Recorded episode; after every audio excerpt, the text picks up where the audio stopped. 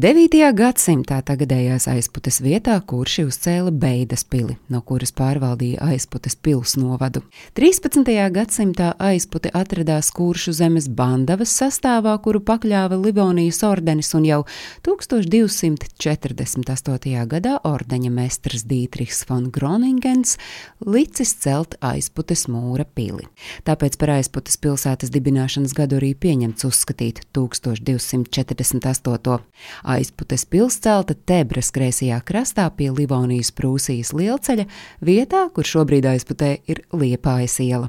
Tā būvēta kā kastelas tipa mūra pils ar stūra torni un kokēkām pagalmā. Un kā jau katrai sevi cienošai pilī, arī aizputes pilī esot sava teika, kas vēsta no bruņinieku pils aizputē pa ezera, baznīcas klostera apakšu gājusi iemūrēta vēlve. Klosterī bijušas durvis, pa kurām varēts ieiet vēlvē. Aizputes kalna baznīcā bijusi eja uz pilskalnu.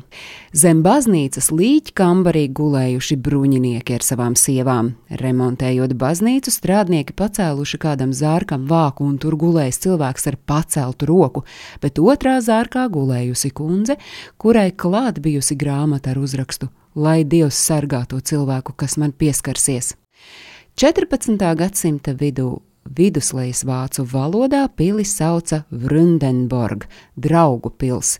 Būve joprojām bija ar lielu pagalmu, ko ietvēra kvadrātveidā aizsargmūris, bet tam klāt bija piebūvēti dzīvojamie korpusi. Pagalmā varēja novietot ceļotāju pajūgus, bet ziņnešu zirgi naktsmājas atrada mūru iekšpusē iebūvētajos staļļos. Zināms, ka 1341. gada rudenī aizputes pilī uzglabāti vairāk nekā 40 tonnas labības, kas bija ievākti kā nodevas no pils novada zemniekiem. Rakstos minēti nodevu maksātāji, kas apliecina, ka tolaik aizputes pusē dzīvojuši zemnieki ar tādiem vārdiem kā vīrbalts, varnauts, starūns, ģibeķis, veslavs, slavnauts, priekšāda, vibis, bēgams, drāveķis, slavcelpis, steniķis, naudevits, nausāds, tītulis, āda, Navkeits, ķikulis, gribulis, pretzemis un nameiksis. 15. gadsimtā pie pils piebūvēja austrumu korpusu. Ordenis to izmantoja līdz savam sabrukumam 1560. gadā. Tikmēr kurzemes hercogistas laikā pili atjaunoja un no tiem laikiem pagalmā virs vārtiem glabājies apmetums ar grēznu un bagātīgu dekoratīvo apdari sgrafito tehnikā. Pili vēlreiz nopostīja otrā ziemeļu kara laikā, bet 1665. gadā hercogs Jēkabs to atkal atjaunoja, izvietoja pilī garnizonu un lielgabalnieku komandu.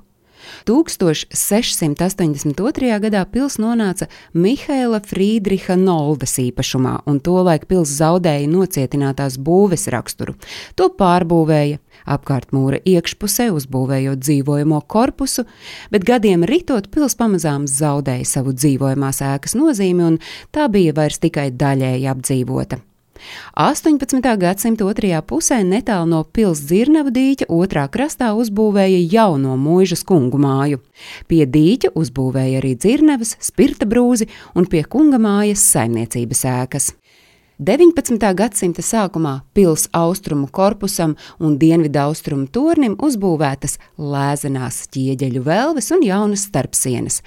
Senā pils daļa bija apdzīvota tikai daļēji, mūžas īpašnieki dzīvoja jaunajā kungu mājā.